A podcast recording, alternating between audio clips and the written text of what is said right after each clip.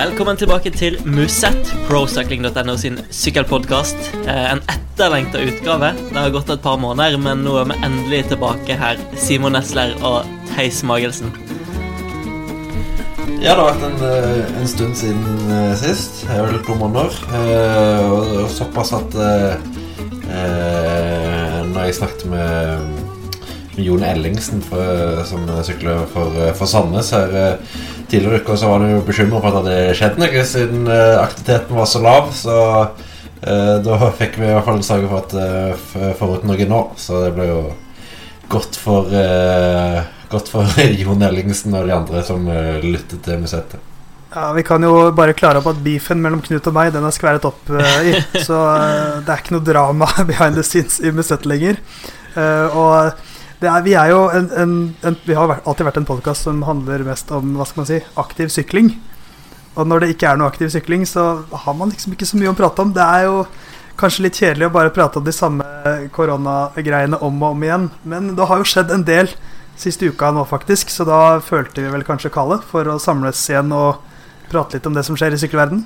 Ja, nå har vi jo faktisk noe håndfast å forholde oss til. Og så når vår trofaste lytter Jon Ellingsen etterlyser podkast, så må vi jo nesten ta tak. Han er vel mer eller mindre den eneste som har etterlyst det, bortsett fra Simon. har, vi blitt et, har vi blitt en bestillingspodkast? At folk kan komme med bestillinger? Sånn, kan dere levere episode om dette temaet til dette tidspunktet? Åpner vi for det nå? Ja, da jeg jo jobben vår litt enklere strengt tatt. Ja, hvis folk sier 'prat om dette' på dette tidspunktet. Ja, vi får se. Men vi har jo litt å ta tak i, faktisk, Knut. Har vi ikke det? Jo da, absolutt. For uh, tirsdag denne uka, altså 5. mai, så slapp UCI sin reviderte kalender. Uh, og det blir fullt kjør gjennom høsten, gitt at uh, pandemien ikke setter ytterligere stopper for for det her. For det er jo Først og fremst er det jo bare et holdepunkt for lagene og noe å forholde seg til. For det er jo langt fra sikkert at det her skjer. Ja, det kan du trygt si. Der er det jo enormt stor uh, usikkerhet. Uh, men uh, ja, det er en fullstappa plan. som du da allerede 1.8 åpner med, med Strade Bianche, og så er det jo egentlig ganske slag i slag utover med ja, Milan San Remo og i helga etter 8. august, og så Tour de France-start eh, 29. august, som går rett over til VM, og så er det jo Giron og, og de andre monumentene og Welton etterpå, så det, det det er en veldig rar kalender, selvfølgelig. Eh, så det blir jo det blir spennende å se hva, hva for utslag det har, for her må det jo prioriteres beinhardt. Eh, og det kan nok eh, Det kan nok bli noen overraskende resultater. Det, det kan vi vel trygt si. Ja, det ligger, det ligger, noen potensielt ganske sånn, hva skal man si Jeg, jeg vil ikke bruke ordet billige, men litt, litt mindre vanskelige eh, seire her, hvis, hvis, dette går som planlagt. F.eks. Eh, Tireno Adriatico, som går midt under Tour de France, og og midt under disse canadiske endagsrittene også. Eh, det kommer ikke til å bli det samme startfeltet der som det ville blitt i, på våren, men, eh, men, det har jo vært litt eh, hva skal man si, ymse synspunkter om, om det her. Mye pessimisme, syns jeg. Mye negativitet og mye nærmest latterliggjøring av UCI. For å ha satt opp en, en kalender som starter 1.8. Jeg er jo litt på den andre siden, optimist som jeg er. Jeg syns Eh, jeg, jeg, tror ikke UCI har satt denne kalenderen og, og, så tenker de nå går det her som planlagt. Dette er jo sånn, dette er fasit. Men jeg vil hylle at de faktisk eh, setter en eh, dato for alt det her og prøver å få inn en del, i hvert fall. Så kan man si har de fått inn for mye? De, er det noen som har blitt uh, neglisjert? De, de, altså, deres ansvar er jo at sykkelsporten skal fortsette å fungere, og de prøver i hvert fall. Så jeg har lyst til å hylle det litt, selv om det blir ekstremt travelt. Men jeg håper jo at hvis dette går som planlagt, så blir det tidenes sykkelløst. Ja, jeg føler jo UCI tidvis nærmest har blitt fremstilt som litt arrogant for at de liksom midt i denne pandemien skjer med en plan for at sånn og sånn skal det gjennomføres. Men for det første så Ja, nå er det eh, tre måneder bare til august, eh, og både rittene og arrangørene må nesten ha datoer å forholde seg til hvis de skal klare å gjennomføre det, og det er òg viktig for lag og ryttere å ha noe å forholde seg til. Så det er jo først og fremst bare å ha noen rammer, så du veit hva du eventuelt skal forholde deg til. Men så kan jo ritt bli avlyst på løpende bånd, og vi vet ikke noe om eh, land vil Det har jo landene gjort inntil nå, og satt forskjellige grenser for, for sine aktiviteter. Så ett land kan jo si nei til all aktivitet, mens det blir åpna i et annet land. Ja, det, det gjør jo situasjonen veldig vanskelig, uh, selvfølgelig. Uh, jeg tenker jo at det er noen av de rittene som uh, nok kommer til å ja, ikke kunne bli arrangert. Og så er det jo Jeg syns du ser litt sånn pussig ut med, med, de rittene i Canada og Tour of Guangxi. det betyr jo mye reising, da. så for min del så ville jeg egentlig vurdert å holde det til en rent europeisk kalender, men det store spørsmålet er jo, som du er inne på, Knut, uh, hva myndighetene i de forskjellige landene faktisk sier. Er det mulig å reise til et land og sykle et ritt og reise ut igjen uten at du skal sitte i karantene i 10-14 dager i, i, i, forveien? Så fri eh, fri, eh, fri reising det, det, ser jo veldig veldig vanskelig ut i, i den situasjonen vi akkurat nå. Så litt eh, skeptisk til, til, hvordan det kommer til å bli gjennomført. For det er, det er en ekstremt vanskelig situasjon å, for UCI. Eh, det er litt sånn nesten damn if you do, damn if you don't. Fordi at det er mange eh, Sykkelsporten er ekstremt komplisert å arrangere et sykkelritt det er ikke bare som eh, f.eks. en fotballkamp. Det er komplisert nok i seg selv. Men et sykkelritt det er faktisk et reisende sirkus. Du skal ha satellittfly på vingene, du skal ha motorsyklister, du skal ha uh, massevis av lag fra rundt om i veien, du skal ha sykler. Det er, det er, veldig mye som skal arrangeres. Det er sikkerhet langs løypene, det er lokale komiteer som skal, uh, skal være fornøyde. Det er så mye å, å ta med i betraktningen. Så som Knut sa, man må ha noe å forholde seg til. Og så får man heller si at ja, ok, sorry, det gikk ikke. Men, eh, men det er lenge til. Det er fortsatt tre måneder. Uh, og det er to måneder siden disse koronatiltakene begynte å virkelig treffe sykkelsporten. Uh, og allerede nå så ser vi at verden er ganske annerledes. Og det er ganske annerledes med restriksjoner og tiltak i forskjellige land. Så gudene vet hvordan det kommer til å se ut i august. Det er jo også et stort spørsmål her. Men vi får bare krysse fingrene. fordi at også økonomisk sett, det er mange lag som er avhengige, tror jeg, og mange ritt som trenger det, det, er ikke gitt at hvis et ritt tar en pause en år, at det bare er å begynne på den igjen neste år. Man ser f.eks. Uh, et lag som CCC. De sliter med økonomien pga. det her etter bare noen måneder. Så sykkelsporten trenger at uh, sykkelrittene starter på'n igjen. Og det er, betyr jo ikke da nødvendigvis at man skal trosse liv og helse, men at man prøver. Det syns jeg ikke man skal kritisere for hardt. Jeg er helt enig i det. Og det økonomiske som du er inne på, er ekstremt viktig. For eh, det er klart at uh, økonomien generelt sett i verden vil jo være utfordrende eh, pga. situasjonen vi er i. Eh, og sponsorpenger er jo da fort noe av det som gjerne blir sett på som litt overflødig, og som kuttes ut. Eh, og sykkelsporten er jo ja, finansiert på en sånn måte at eh, sponsorer betyr egentlig alt i, i stor grad. Og så har du for så vidt eh, ofte eh, statlig støtte eller støtte fra myndigheter i, spesielt for arrangører. Men i en sport hvor så mye er styrt av sponsorer uh, finansielt, så, så, er det jo helt avgjørende det å kunne ha rett i de må jo få vise fram sponsorene sine for at sponsorene skal se noe verdi i å hive masse penger inn i et uh, sykkellag. Så uh, helt nødvendig for, for, sykkelsporten sånn som vi kjenner den i dag. Uh, for at den skal overleve, så, så må det være ritt i, i, år. Men så er det òg spørsmål om, om sykkelsporten uansett har godt av en sånn type krise for å på en måte komme med forbedringer av den modellen som er. Eh, prøve å få inn andre inntekter. Altså være litt eh, ja, nød lærer naken kvinner spinne.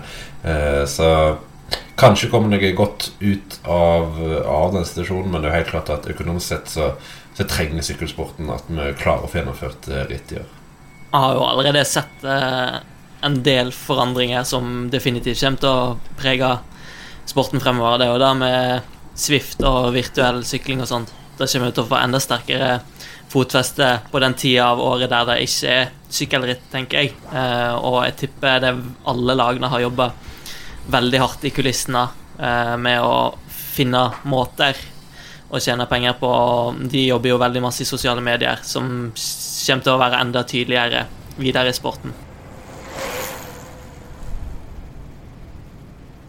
Det er delte meninger om UiC sin kalender, og eh, e-sykling, eller virtuell sykling, er det òg delte meninger om, og i denne redaksjonen. Eh, men har vært en god del av det de siste par månedene. Eh, vi kan jo starte litt med deg, da, Simon, som kanskje er den tydeligste stemma her. Nei, altså, det gir meg ingenting. Absolutt ingenting. det er jeg har, har, ikke prøvd det sjøl, men jeg har forstått at det er uh, veldig hardt. Uh, du, du, får litt av de samme sitatene som du pleide å få etter, etter Hammer Series, at det er drithardt. Det er jo litt, litt av det samme med, med intensitet over en ganske kort uh, tidsperiode. men det er sånn Det ser bare så kjedelig ut. Det er ofte veldig døll grafikk. Uh, var litt bedre i den der uh, Det i Sveits. Digital Five, eller hva det het. Uh, men ja, det Det er jo bare litt sånn Nei. Det er ingen som bryr seg, egentlig, føler jeg. Ja, altså jeg, jeg, vil jo si at det er noen som bryr seg. Um, og jeg har jo jeg har aldri prøvd å sykle noe sånt selv, men jeg har jo sett på noe. Jeg har til og med kommentert noe av det. Uh, og akkurat nå så er det på en måte litt som metadon for en heroinavhengig. At det, det, gjør Det er noe man tyr til når man ikke får det man egentlig vil ha.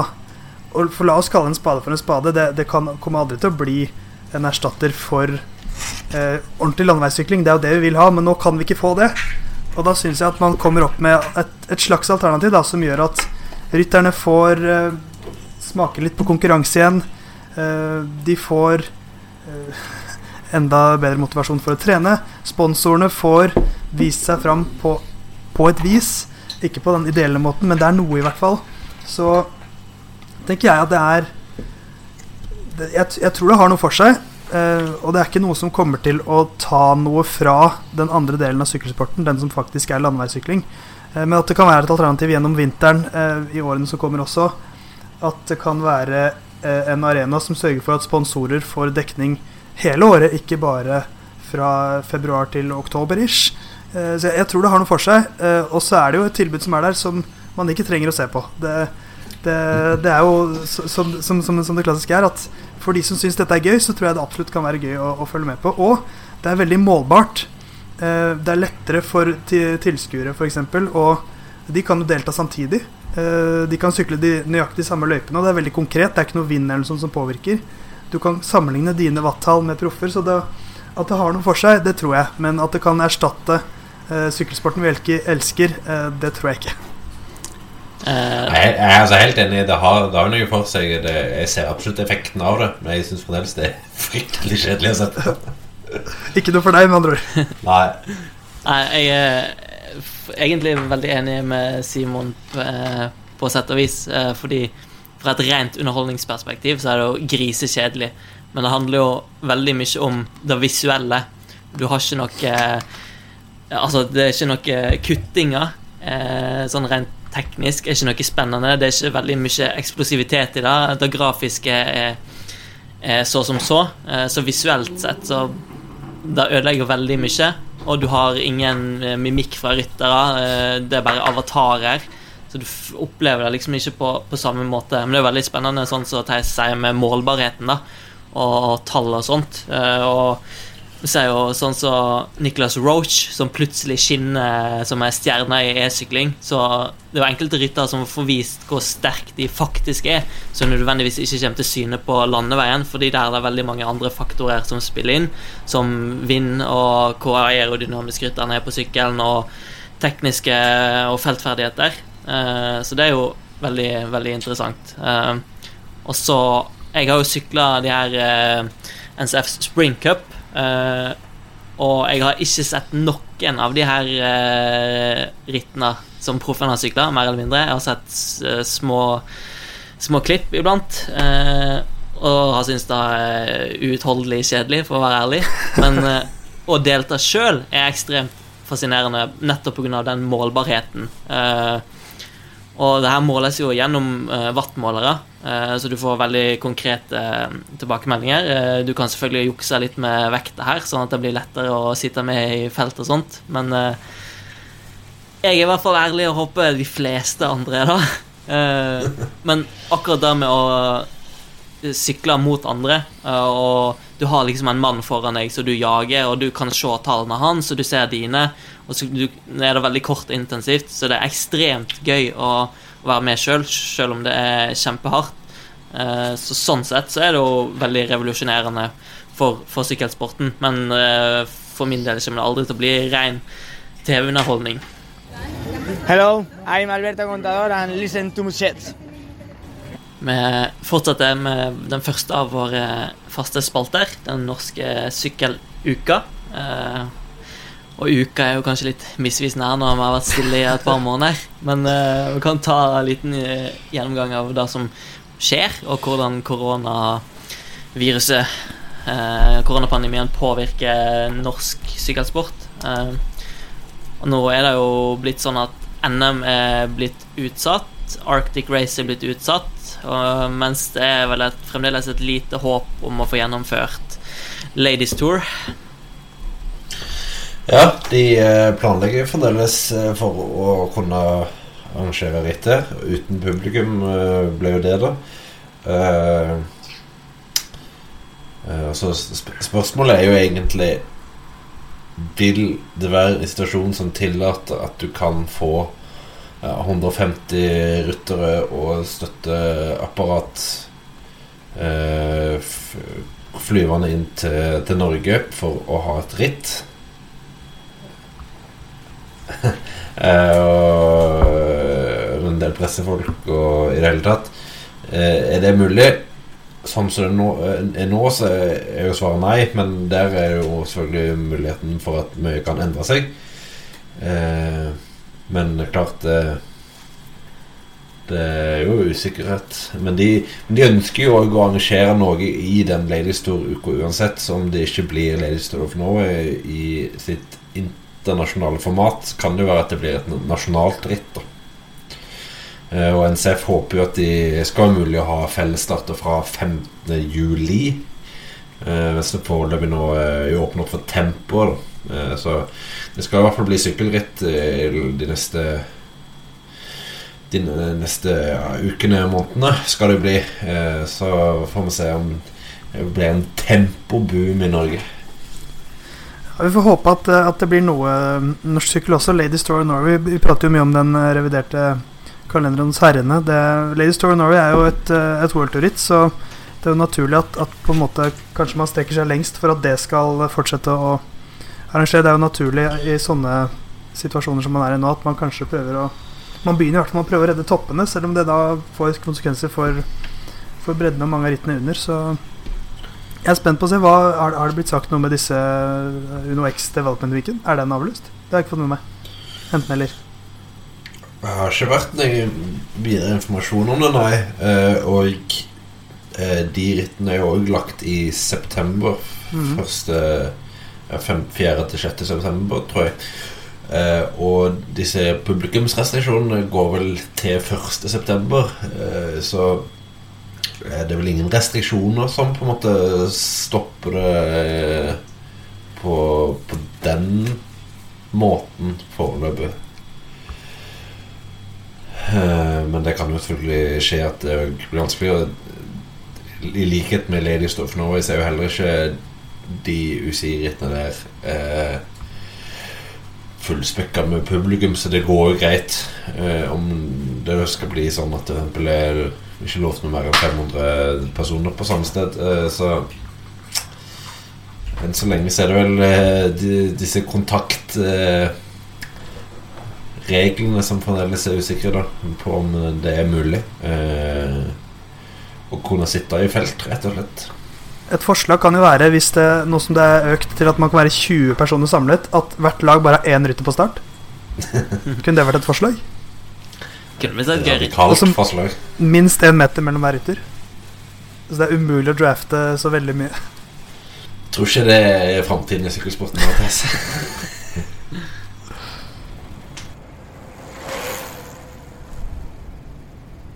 Og så kom det jo eh, denne uka en nyhet om at eh, vi får eh, ytterligere ett kontinentallag i Norge. eh, fordi Dare Nei, ja. Uno X sitt utviklingslag Dare skal bli kontinentallag fra 2021. Ja, det var jo en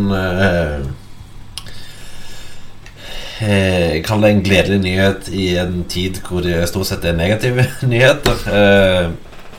Så det er jo et veldig spennende lag som eh, ble danna da høsten 2018 og hadde, ble lansert med fokus på å hjelpe unge klatrevillige ryttere på, på klubbnivå opp. Eh, og nå ble det altså et eh, kontinentallag eh, og eh, en stor Nei, ikke En viktig eh, faktor i det her er jo òg at eh, at UCI har åpna opp for at eh, utviklingslag eh, som er knytta til, til et lag høyere oppe i systemet, at, at eh, rytterne kan rullere innad og kjøre ritt for, for begge to. Så da, det gir jo UnoX som system en, en større plattform, ganske enkelt. hvis de kan sende ryttere ned hvis de eh, eh, ja, er på vei tilbake til en skade, f.eks. For, eksempel, for å få eh, litt eh, grei matching. Eh, eller sende ryttere opp hvis de på en måte har eh, imponert stort. Så det er jo et, eh, en veldig fin mulighet for Unox som system. Sånn sett. Og så er det viktig å påpeke at disse to lagene ikke kan sykle de samme rittene. Eh, så hvis noen er redd for at man i fremtidige norske ritt skal få se eh, fire Dare-ryttere som trekker på én Uno X-rytter, så er ikke det noe fare for det. Eh, men det. Men det er jo selvfølgelig gledelig at, at, at det kommer et nytt kontilag. Jeg tror det er plass til tre kontilag på den norske sykkelsokkelen. Og så håper jeg at de tør å fortsette å ha litt fokus på klatrere. De har vel sagt at det skal bli et mer variert rittprogram, men, men at, at man har et lag i Norge som har et uttalt fokus at vi skal gi klatrere en plass å utvikle seg på, det håper jeg virkelig de fortsetter med. For det er noe jeg virkelig tror mange har lyst til at det skal bli mer av i norsk sykkelsport. Og da trenger man en plattform å satse på, fordi at det er jo ikke så mange klatrevennlige ritt i Norge. Nei, og UnoX som system er jo òg har jo vært eh, flinke i arbeidet med det å få fram eh, gode klatrere og, og kalle det dyrke de. Eh, altså de har et, hatt et godt opplegg rundt eh, Tobias Foss og Leknesund og Sleen og Ida Andersen og etc. etc. Eh, hvor de har hatt eh, en del sånne høydeleirer og eh, i det hele tatt eh, etablert et rittprogram som har vært gjerne bedre enn hva som eh, har vært mulig å få for, for eh, fjellglade ryttere tidligere. Eh, Joker har jo også tatt et ganske bra program med type Alsace eh, og Jura, eh, men eh, det har vært mye bra på det programmet til UnoX, og de virker jo òg veldig interessert i det å få fram gode glattere, så det kommer nok flere derfra. Mot slutten av april så hadde hun med i prosucking.no en kåring av tidenes beste norske herrerytter. Uh, som uh, var et lite lyspunkt i en ellers dyster eh, journalistisk hverdag for vår del. Uh, jeg syntes i hvert fall det var spennende å både skrive og lese om, om bragder til både våre nåværende syklister, men spesielt de litt eldre og pensjonerte syklistene. Ikke alltid vi har like stor forståelse for hvor gode de var. Men vi endte i hvert fall opp med forskjellige resultater her. For vi hadde en redaksjonell kåring, og så hadde vi en kåring for der leserne kunne stemme frem den beste norske rytteren. Og blant leserne så var det Tor Hushovd som kom best ut av det, mens blant redaksjonen så var det Alexander Kristoff som stakk av med seieren. Sånn ble det. Um, og vi sendte jo inn våre, våre personlige lister og skrev en, li en liten uh, begrunnelse på hvorfor vi rangerte som vi rangerte. Um, jeg, jeg, vil jo egentlig oppsummere den debatten der med å si at det, for min del i hvert fall, uh, så er det forskjell på den største og den beste. Um, og jeg tror Husodd vinner fordi han er den største. Han er norsk sykkel for veldig mange. Han er norsk Tour de France. Tour de France er sykkel for de aller fleste i hele verden, og da er det naturlig at den rytteren som har gjort det best i Tour de France, eh, er den som mange vil se på som vår beste. Eh, for meg så er nok Alexander Kristoff sine resultater bedre, men jeg har ingen problemer med å, å si at Husodd er en, en, større profil i Norge. Men uh, for meg så er Kristoff uh, en større syklist. Men det er jo to Altså Bare at vi har to sånne å velge mellom, er jo helt vilt. Så vi har, bort, vi har vært bortskjemte. Jeg støtter deg på, på det, Theis. Huset er definitivt større i, i form av status eh, enn eh, en Kristoff og ja, sannsynligvis resten av, eh, av det navnet på den lista. Kanskje utenom Dag Otto Lauritzen, som jo er Norges største mann. Norges, Norges største TV-kjendis. Oberst. Eh, men eh, ja, eh, vi, tre hadde jo alle Kristoff som vår eh, nummer én. Eh, og for, for, min del, som du jo eh, snakket om, Theis Han har jo noen eh, Han har noen resultater som, som i hvert fall jeg mener, og som tydeligvis dere òg har ment, at er bedre enn en Hushovd, hvis vi ser veldig Kan kalle kaldt på det og renlig på det. altså den stabiliteten som han først og fremst har vist i monumentene og VM, er jo helt ellevill. Eh, og det er jo det som er de største rittene når du er en ryttertype som som Hushovd, som Kristoff og som Båsen Hagen. Altså det er jo de som steinlagsrittene som er, som er de kulerittene du skal måtte være best i. Og der er det ingen tvil om at Kristoff er eh, ganske mange hakk over alle andre i norsk sykkelsport. Ja. Jeg trenger ikke gjenta Jeg er jo enig med det her. Det sies jeg trenger ikke gjenta så mye til det. Og rent sånn eh, objektiv statistikk støtter jo det her òg. Så jeg mener det er klart at Kristoff er, er rett der. Men Hushovd vil alltid være størst blant folket, det er det ingen tvil om. For mange så, så får du et argument om at hvis Kristoff hadde slått Hushovd Nei, hvis Kristoff hadde vunnet eh, i Bergen, så hadde det ikke vært noen tvil eh, om denne kåringen. Eh, det er jo et argument som du, som du ofte hører, og han har jo fremdeles sjansen til, til, å vinne VM senere i år. For i år blir det vel ikke noen seier, eller? Eller blir det kanskje det? Bra oppspark, Simon. Det er jo litt usikkert hvor VM skal arrangeres i år. Det var jo egentlig i Sveits det skulle gått. Men uh, nå vurderes det vel kanskje om det skal flytte til Midt Midtøsten. Og sidevind er jo ofte lik Kristoff. Han har jo herja i Midtøsten før. Så uh, da er plutselig VM i år kanskje en gyllen sjanse for uh, For sjølvaste. Eller hur? Og jeg får bare håpe at det ikke blir en ny Doha-gate. Det hadde jo vært ja, Da har du nok brensel til det bålet i tre-fire år til. Oh, ta, ta og Kopiere uh, løypa fra da. Da må vi finne fram Truls Korseth igjen. Uh, men, uh, men, det er jo interessant her hvordan man nå skal legge opp denne høstsesongen. For nå må jo rytterne også begynne å planlegge litt. etter å liksom på en måte holdt seg i form, er vel det mange ryttere har gjort nå de siste månedene. At de kan på en måte ikke trene mot nå, fordi at de vet ikke hva de skal trene mot. Men nå har de jo et en kalender å forholde seg til.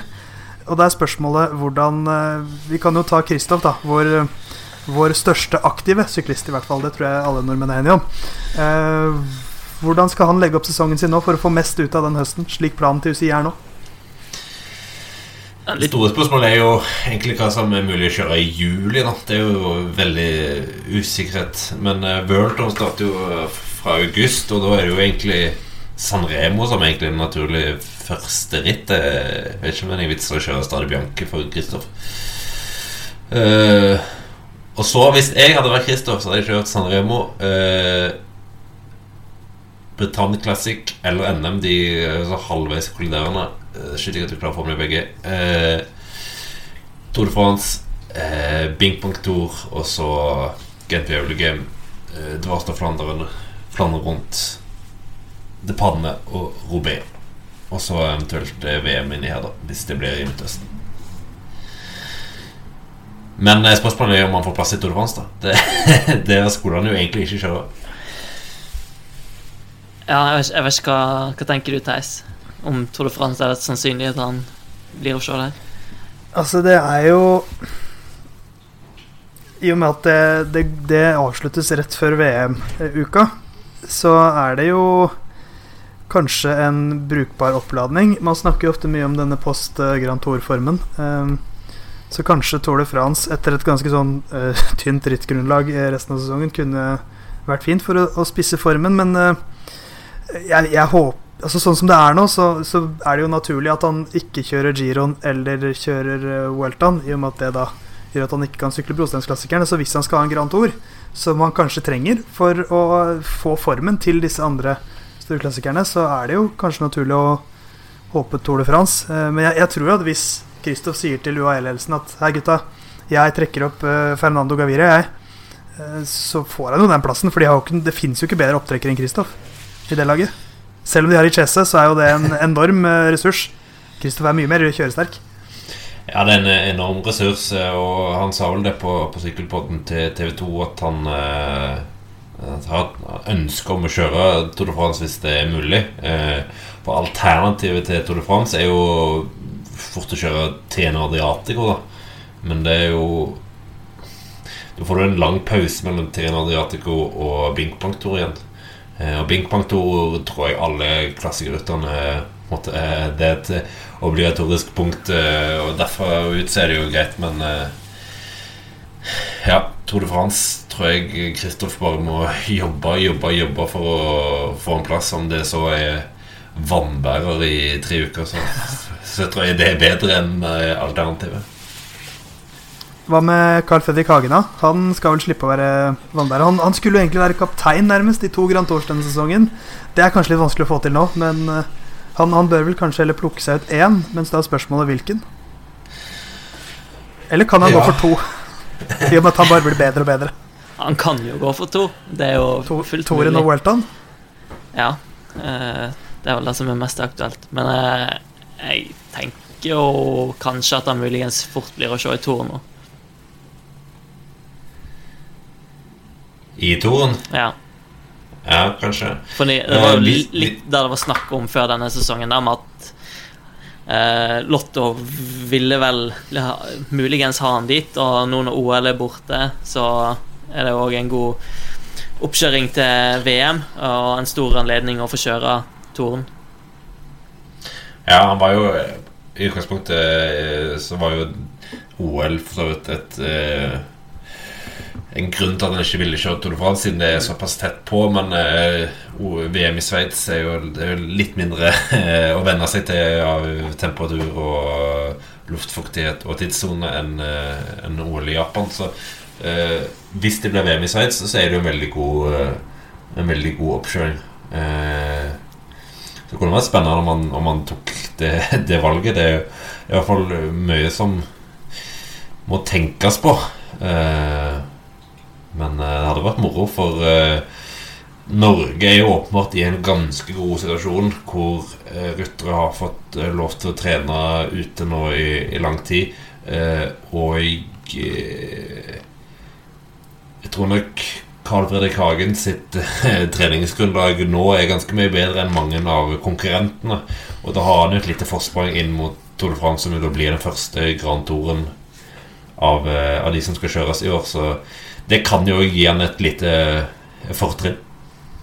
Med tanke på at alle de beste rytterne kommer til å bli sendt til Tour de France, eh, deriblant de fleste VM-favorittene, så det blir jo en ganske seig periode der med tre uker Tour de France, og så eh, starter VM direkte.